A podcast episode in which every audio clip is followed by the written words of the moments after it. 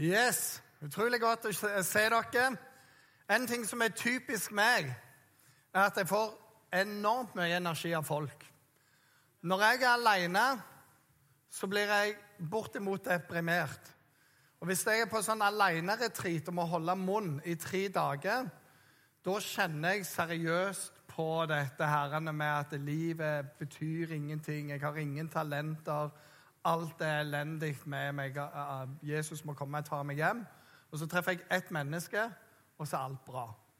Så på en sånn dag som dette, når alt er nytt, masse nye folk åh, jeg, er- er over toppen. Det er typisk meg. Gro Harlem Brundtland var statsminister for en del år siden. og når hun startet, så var Norge i en litt dårlig forfatning. Det hadde vært jappetid i Norge. Mange hadde brukt mye dårlig, og det var helt elendig. Næringslivet kollapsa, bygningopplegget rundt omkring kollapsa.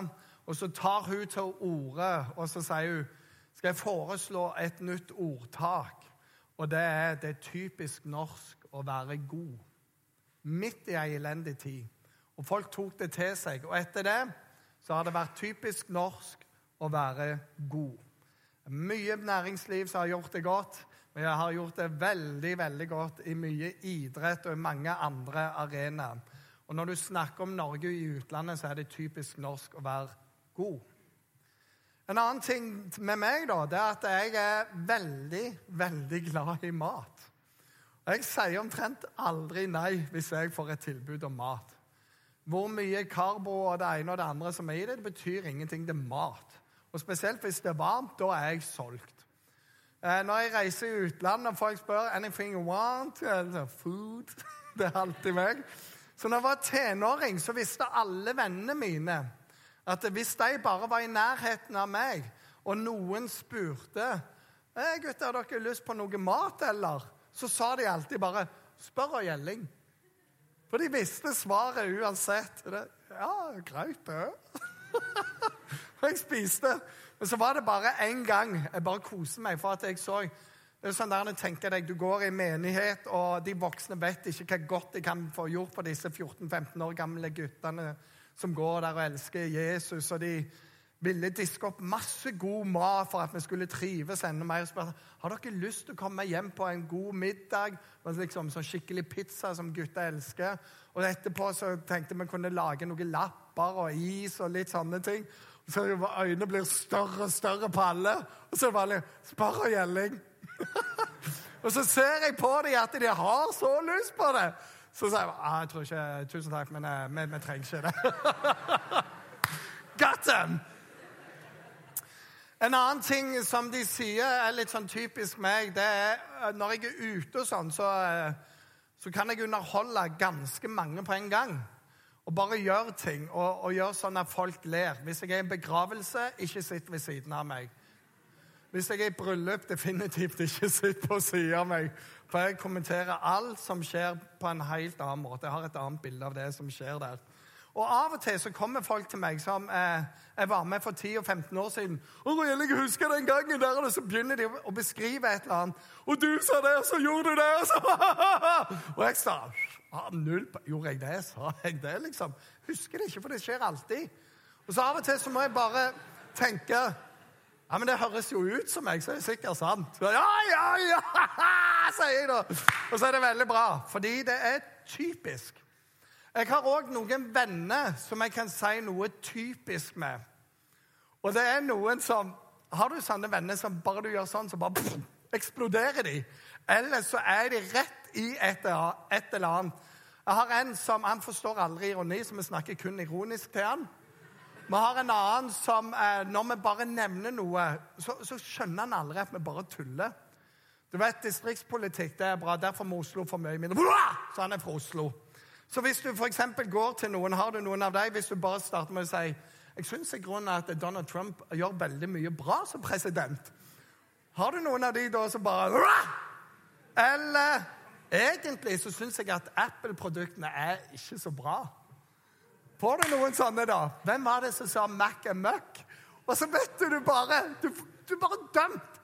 Manchester United det er jo ikke så gode i tid. Jeg tror de kommer snart til å rykke ned. Så vet du at de klarer ikke å holde dette på et saklig nivå. Det er bare hver eneste gang. Det er bare typisk deg å ikke ta det. Og jo mer det er sånn, jo mer fyrer du unna. Ikke så bibelsk, men det kan vi ta en annen tale. Men dette er det vi skal snakke om, hva som er typisk. For det er det vanlige, sånn det pleier å være. Det står i Bibelen slik de pleide, slik de hadde for vane. Hvert år så pleide de. Altså det typiske. Og en definisjon av ordet 'typisk' det er antikk, altså det har alltid vært der, eller klassisk, mønstergyldig, tradisjonelt eller velkjent. Det er et mønster som er der alltid. Og denne serien her, tre ganger, så skal vi se på noen av de tingene som var typisk for Jesus. For når du ser hva som er typisk, så blir du kjent med en person blir mer kjent på dybden. Ja, men jeg gjorde jo masse, det. Så det er jo noe med den personen der. Av og til så kan vi møte noen sånne utypisk. Og så, det, det, stemmer ikke. Kona mi er alltid sånn ja, 'Det er typisk meg at jeg ikke får dette til.' Ja, pleier du ikke å få det til? Nei, jeg pleier, men akkurat nå. Ja, Det er typisk mitt at jeg kommer til meg å glemme passet når vi skal på tur. Har du glemt passet noen gang, Katrine? Aldri, men det er så typisk. Og det er så typisk meg at det, og, så, og så er det bare sånn der han hele tida. Og det jeg kan si om kona mi, det er typisk henne å si at det er typisk noe som ikke er typisk henne i det hele tatt. Så det er, og det er noen andre av dere her òg. Det er så typisk meg. Så, pff, du har ikke prøvd engang. Men av og til så møter du sånne påstander, og du må jo undersøke det. Jeg hadde en som kom til meg og sa du, det der firmaet der må dere holde dere unna. For det jeg har hørt, det er at de bygger elendige bygg. Og så nevner de et prosjekt. Og i et av disse tilfellene så måtte jeg si du, er interessant det du sier. Det firmaet du nevner, de er kjent for å lage utrolig bra bygg. Faktisk har de vunnet mange byggepriser. De er kjent for å holde kostnadene nede, effektiviteten oppe, at kundene er enormt fornøyd. Og det prosjektet du refererer til, var et prosjekt som ikke var deres, men de som leda det, leda det så dårlig at noen spurte kan dere komme overta og redde og gjøre det beste ut av det. Og det gjorde de. Og så sa de hadde vi fått lov å komme inn litt tidligere, så kunne vi spart dem for mange millioner, og vi kunne gjort andre løsninger. Men her var det bare om å gjøre å komme i mål med et bygg i det hele tatt. Så det du tror, stemmer ikke. Sånn at du måler det opp mot fakta. En annen gang så kommer en og Roy Elling, du må passe deg for den lederen der. Jeg hørte om en leir han var på, og så, og så var det en deltaker som ble sendt hjem. Jeg snakket med den deltakeren. Og den deltakeren sa at den lederen der bare helt ute av det blå eksploderte og sendte han hjem. Bare sånn uten noe som helst. Og jeg sitter og så snakker vi om samme ting. Så sier jeg jeg var på den leiren. Og den deltakeren vet jeg veldig godt hvem var. Han var irriterende absolutt hele tida. Og hele tida så ødela han. Pirka borti folk. Nye, nye, nye, på folk. Og den lederen var så imponert, for han gikk bort til ham og sa du, vi prøver å gjøre ting på en annen måte. En annen gang når han irriterte alle, sa du, har en oppgave til deg. Bli med herrene. Og i to dager så var han så god, og flere ganger sa du, det er ikke så lurt å gjøre dette. Her må vi endre noe. Men til slutt så fikk lederen nok, og da hadde alle andre fått nok. Og da var det enten alle hjem eller den hjem. Så det er ikke typisk for den lederen. Du kjenner det ikke igjen. Du må sjekke opp fakta. Så er det noen da som sier om Jesus ja, Vet du, Jesus typisk. Og så kommer noe som bare ikke er sant. Vet du, Jesus det er en sånn typisk vold, det. Hæ? Hvor tar du det ifra? Nei, religion er lik vold. Så sier Vis meg det slagsmålet Jesus var i. Samla noe her rundt seg. Oppfordra han til noe type hellig krig? Var det ikke han som bare var fredelig, som sa når noen slår deg på det ene skinnet, så vend det andre til? Når noen forfølger deg, så, så gjør noe annet. Når de hater deg, så velsign de og be for dem.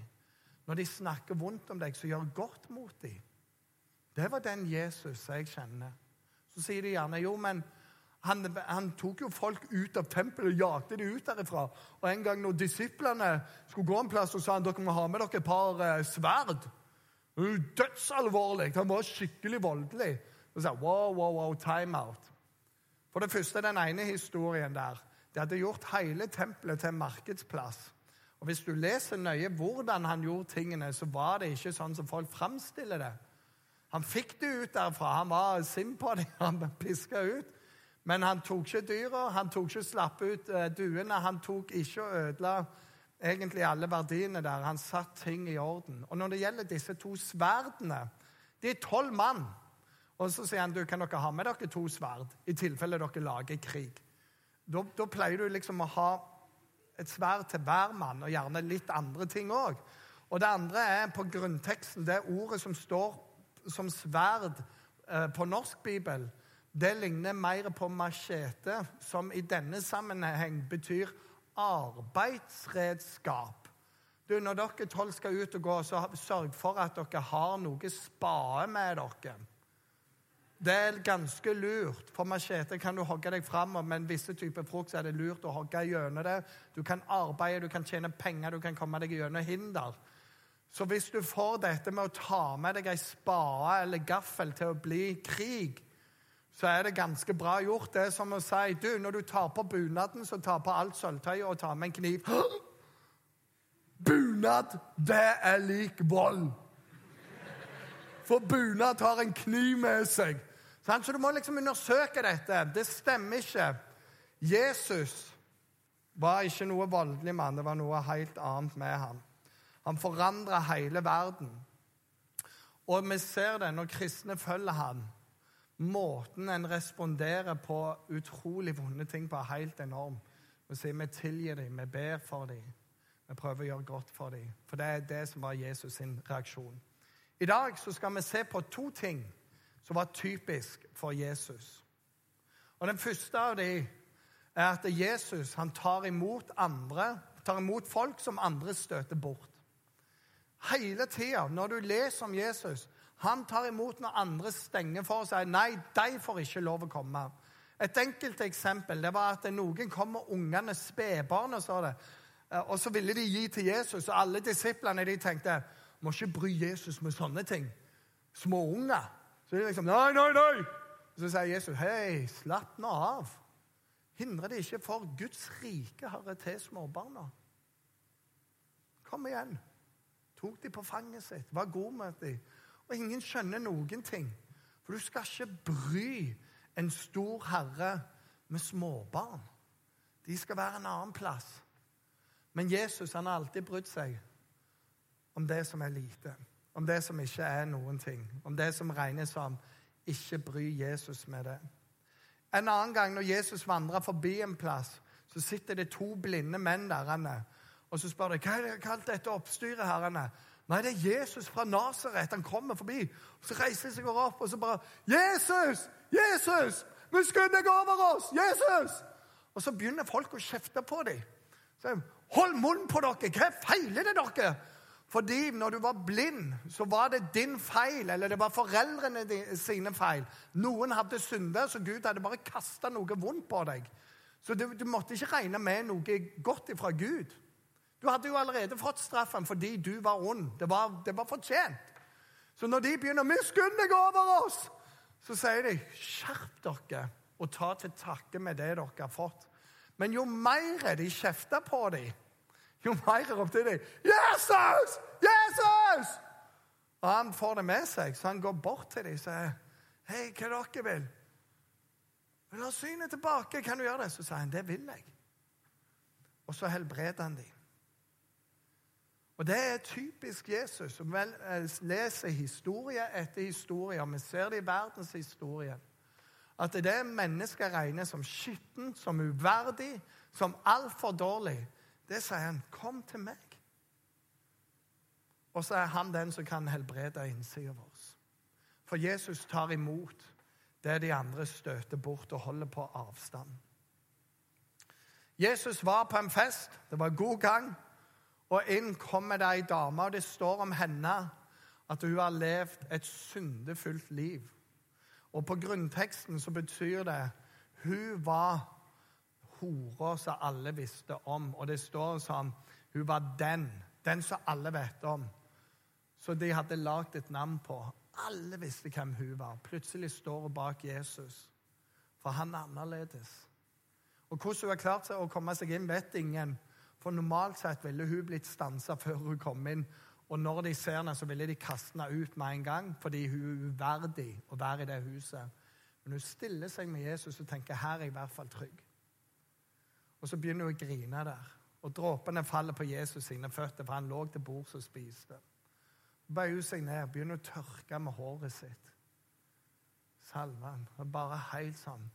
Og så tenker de andre Hadde Jesus visst hvem hun der er, som om han ikke visste det på tøyet hennes, på alt i sammen, så hadde han aldri tillatt. Han hadde hevet ut, han hadde kalt henne med navn. Og så mens de tenker det, så vender Jesus seg til de andre så sier han, du, Simon, du som tok imot meg Si meg en ting. Hvis en som skylder mye, blir ettergitt all gjeld og Si han skylder ti millioner, kan ikke gjøre opp for seg. vet han skal i fengsel resten av livet og betale for dette. her. Men så kommer en og sier, du, jeg tar den gjelda di. Du er gjeldfri. Så er det en annen som skylder en hundrelapp, og så sier han, jeg tar den hundrelappen. Hvem av deg tror du vil elske mest den som hjalp dem? Så sier jeg, 'Han tar han som skyldte mest. Så Veldig bra gjetta. Veldig enkel matematikk, dette her. Og Så sier han, ser du hun? Hun har hatt et vanskelig liv. Du, når jeg kom inn, så vaska jeg ingen føttene, men hun har vaska det med håret sitt, med tårene sine.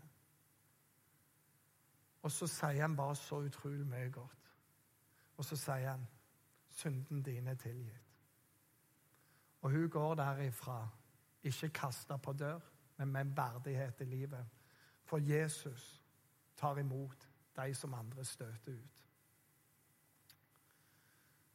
Og han vil ta imot oss òg. Det står dette, Jesus sier det. Den som kommer til meg, alle som kommer til meg, den som kommer til meg, vil jeg ikke støte bort.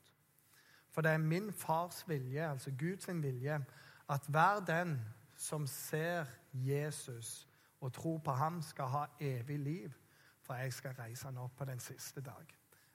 Ingen som kommer til meg, vil jeg støte bort. Og så sier han en annen plass, 'Kom til meg, alle dere som strever tungt å bære, og jeg vil gi deg hvile'. Så Det handler ikke om å ta seg i sammen. Det handler ikke om å bli en bedre mann eller bedre dame. Det handler ikke om ifra nå av. Det handler om å komme til Jesus. Jeg har ikke glede av å ha sett en predikant, Nick Vujicic. Det er veldig bra etternavn. Det er sånn lagd der for at vi ikke skal klare å si det. Han er uten armer og bein, kommer fra Australia og har en sinnssyk livshistorie. Bedt til frelse med over 600 000 mennesker. Er i de sikreste fengslene i verden, og de blir frelst overalt. Og Så forteller han at de var i India, i Mumbai, og så drev han og fortalte evangeliet om Jesus. Og så sitter ei dame og forstyrrer han hele tida. 'Jeg tror ikke på dette her når du sier' Og han legger mer ut. Han er en sinnssykt dyktig evangelist. 'Jeg tror ikke på dette.' Så sier han, 'Hva mener du?' 'Jeg tror ikke på det du sier.' Hvis det er sant, så får du helbrede hun, Og så peker hun på ei gammel dame som sier 'inntørka alt, haka henger ned'. Hun er helt paralysert og kan ikke gå eller noen ting. Så sier jeg, 'Hvis din Gud kan helbrede hun, så går det bra.' Og han er bare sånn Litt større forsamling enn dette her. Så han er bare sånn Gud.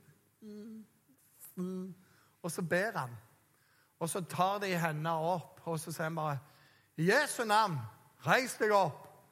Og så prøver hun å bøye beina ned, men idet de kommer til gulvet, så, ah, så klarer du ikke. Helt umulig.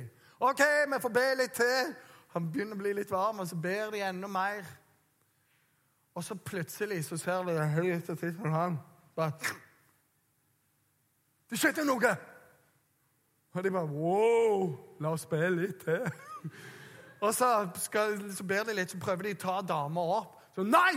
Og så sier de bare 'hopp hun opp'. Så begynner hun å gå. Og så bare sånn gamle dame hopper rundt der. Og han sier, 'Vær forsiktig, Jesus helbreder deg, men ikke knekk beina med en gang.' Han er momentant helbreda. Og alle bare så Wow! Og hun andre dama som utfordrer, venner seg til gudene sine. 'Takk, takk, takk!' Så, 'Hei, hva du holder på med?' 'Du har bedt til de gudene i mange år. Stopp med det der! Det var Jesus!' 'Så du ikke det? Kom igjen!' Det var det du sa, og nå er hun der. Woohoo! Står helt sånn. Og det bare forandrer stemningen i rommet, kan du si. Og etter møtet ferdig så, så sier en til han Det var helt utrolig. Han sa mm -hmm. Ja, hun ble helbredet, hæ? Ja, ja, ja, det var fint. Ja, hva mener du? Ja, vet du hvem den dama er? Ja, gammel dame? India? Nei, så var de i et område hvor det skjedde mye menneskehandel, prostitusjon. Folk kjøpte barn for 700 dollar solgte de til prostitusjon, menneskehandel. Så sier han den gamle dama starta det her for 45 år siden. Hun er skyld i 50 000-60 000 mennesker som har vært igjennom dette. Og så helbreder Jesus henne. Så han, det er det som er et under. For du skjønner det, at Jesus tar imot alle som folk støter bort. Hun fortjente noe annet. Men Guds hjerte for hver eneste at alle skal bli frelst og bli, lære eh, sannheten å kjenne. Og den helbredelsen førte til en hel haug med gode ting etterpå. Men budskapet er han tar imot oss. Så den bagasjen du og jeg har, det er ingenting imot hva hun har på sin samvittighet. Den andre tingen er at det er noe med det som er typisk Jesus og typisk troen vår, det er at du alltid har en sånn tosidighet. Han tar imot, og så utfordrer han. Han er god, og så er han streng. Han er nådig, og så er han rettferdig. Og dette henger sammen. Så på den ene siden så tar han imot oss, og så utfordrer han oss. Og Jesus, det som er typisk han, han, han utfordrer der andre gjerne tier. En av disse historiene er at det kom en rik, ung mann til Jesus. Og så sier han, 'Gode mester, hva skal jeg gjøre for å få det gode liv', da? Og han var bra. Så sier han, 'Nei, du kjenner jo budene. Du skal elske din far og din mor, du skal gjøre godt.' Og så ramser han opp. Og så ser du bare dette smilet på denne unge, rike mannen. Så, Alt det har jeg gjort siden jeg var ung. Og da er du liksom Hva sier jeg nå? Sånn. Og så Jesus ser på han og sier, men det er en ting som mangler deg. Gå bort og selg alt det du eier, og kom du så og følg meg. Han går bedrøvet bort fordi han var veldig rik. Og Jesus mente ikke at alle som har penger, skal bare gi alt vekk. Det han mente, det er at du skal ikke putte tryggheten din i pengene dine, men i Jesus at det er han er herre over livet.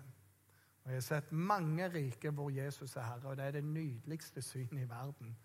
Som òg har en forvaltningsevne som er bare wow. Men han utfordrer der andre tidde. Jesus treffer ei dame der folk tar henne med. De står klare til å steine, for hun har synda. Og Så utfordrer Jesus alle de der, for egentlig kommer alle for å ta Jesus, men de bruker hun. Og så sier han til dem, alle dere som står her med steiner i hendene og hat i blikket Den av dere som er uten synd, vær så god, bare kast. Han utfordrer der andre tidde. Og det var sjakk matt for hele gjengen.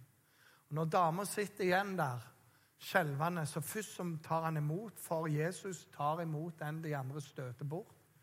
Og, så, og da sier han var det noen som fordømte deg? Nei, sier jo Ingen. Sier ikke jeg heller.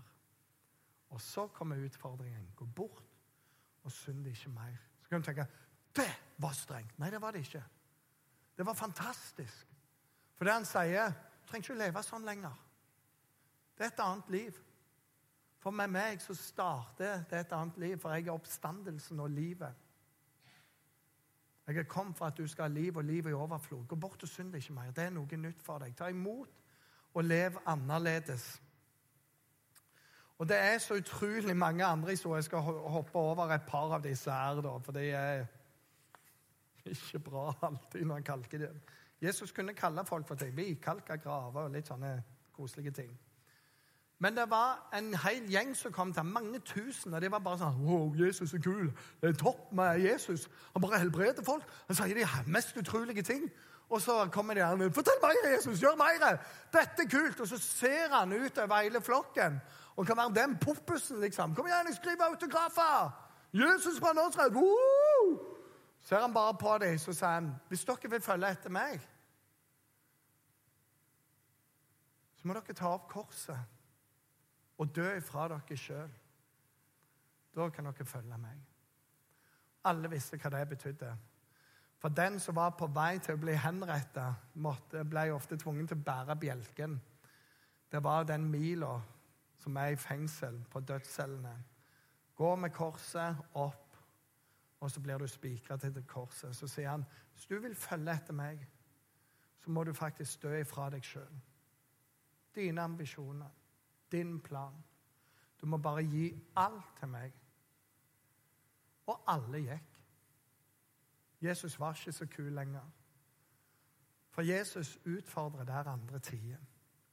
Til slutt så står det tolv stykker igjen. Og så sier bare Jesus, ja, 'Skal dere òg gå?' Eller så, nei, nei, nei. Du har alt vi trenger. Og med de tolv så forandrer hele verdenshistorien seg. For du skjønner, det er én ting at han kaller oss til dø ifra oss sjøl. Men det de andre ikke fikk med seg, det er at når du dør ifra deg sjøl, så sier han Og her er mitt liv som skal være i deg. Her er min kraft som skal være i deg. Her er min mening. Du er ikke meint for bare denne verden, du er meint for mye mer enn dette. Du er et evig vesen, og jeg skal ta deg med til himmelen. Og når du er der, så kommer jeg til å spørre deg hvem er her av deg. Så skal du se over skulderen, så bare alle disse folkene her for jeg delte deg, jeg levde med deg. Wow! Og da skal han si, så bra! Kom inn. Den som vil følge etter meg, må fornekte seg sjøl. Og sånn fortsetter han å utfordre meg og andre som vil følge ham. Den første utfordringen jeg fikk, det var når jeg var ganske ung. Og så hadde jeg et veldig vanskelig forhold til min far. Og så leser jeg du skal hedre din far og din mor, så det går deg godt, og du får bo lenge i landet. På Jæren leser vi altså får bo lenge på landet, men det er en annen ting der. enn den. Og så var det bare det at det bibelverset det smalt rett tilbake. Men bom! Jeg visste det er sant. Og jeg hata far. Så jeg levde ikke sånn som jeg skulle. Og Jesus utfordrer meg. Det må du fikse på. For du lever i synd. Det tok meg noen år med bønn, samtale, men jeg kom igjennom. Jeg var ungdomspastor en plass, hadde det fantastisk bra. Og så opplever jeg eh, Gud sier det. Gi meg tilbake menigheten min. Gi kallet ditt til meg igjen, for du er ferdig her. Og det er Av og til vi har lyst til å diskutere med Gud, men det går veldig dårlig hver bidige gang. Han pleier å få rett til slutt. Spørsmålet er bare hvor lenge du holder på. så det måtte jeg gjøre til slutt. Det, det, står av og til så bare tar du av skoene og alt, og så legger du deg ned på kne og så sier 'Herre, du ga, du tok. Herre, være lovet.' Her er menigheten, her er kallet. Jeg er din. Så innenfor et nytt år, for det er ofte et år fra sommer til sommer, så har jeg lyst til å spørre deg og utfordre deg hvem er det du skal ta imot, som andre støter bort? Fordi Jesus sa som han var, skal vi få lov å være for andre. Hvem er det du skal inkludere? Hvem er det som de andre sier er ikke kul nok, ikke bra nok? Så skal vi si men her er folk velkommen. Det er så mange undersøkelser i Norge at det går ekstremt mange folk og er ensomme. Og her er det ensomme folk. Du ser det ikke. Skal du være Jesus for deg, så tar imot. Og hva er det Gud skal få lov å utfordre deg på, eller har utfordra deg på ei stund? så sier gi det til meg, eller slutt med det, eller ta et oppgjør med det. Og som regel så trenger du ikke lete etter det, for du vet hva det er når Gud sier det. Da er det bare den tingen der. Så er det noe med å våge å legge det ned for ham og stole på at han er god. For det er typisk Jesus å være god. Han sa 'Ingen som kommer til meg, vil jeg støte bort'. Ja, Men du skulle bare visst min bagasjerøyelling. Jeg vet noe om bagasjen til hun Mumbai. Går nok bra med deg òg. Tar nok imot deg òg. Og aller til slutt så har jeg lyst til å si han tar imot deg uansett. Dette er vår tro. Det at Gud bøyde seg ned. Han døde for dine synder og for mine synder. Og så sto han på korset og sa han kom. Og når han utfordrer oss og sier ting som de andre sier at det er ikke så nøye, og han sier jo det er nøye, så er det ikke fordi han skal ta vekk gleden i ditt liv. Det er fordi han ønsker å maksimere potensialet som han har lagt ned i ditt liv. Og for at han skal kunne løfte deg til nye ting, så må du gi fra deg det du holder fast med, så du vet det er galt. Altfor mange kristne lever på et nivå hvor ingenting skjer, ingenting er gøy, ingenting er bare bø. Og det er fordi du tillater ting å være i livet som Gud utfordrer deg på, så gi det vekk. Så en bønn for deg vil være Gud åpenbar for meg, og så holde igjen din velsignelse. Og våg å leve det livet, så Herre, jeg legger alt framfor deg. Ta det, bare la meg få leve nær deg. Skal vi be i sammen? Himmelske Far, jeg takker deg for at når vi ser på Bibelen, så ser vi hvem du er, vi ser hvem Jesus er. Og når vi møter all slags rare påstander, så kan vi ta opp Bibelen og så kan vi se om det er, stemmer dette eller stemmer det ikke. Var det typisk Jesus, eller var det ikke det? Og Jeg takker deg for disse to tingene i dag, Herre. Det er typisk Jesus å ta imot den som andre støter bort. Og det er typisk Jesus å utfordre der andre tider.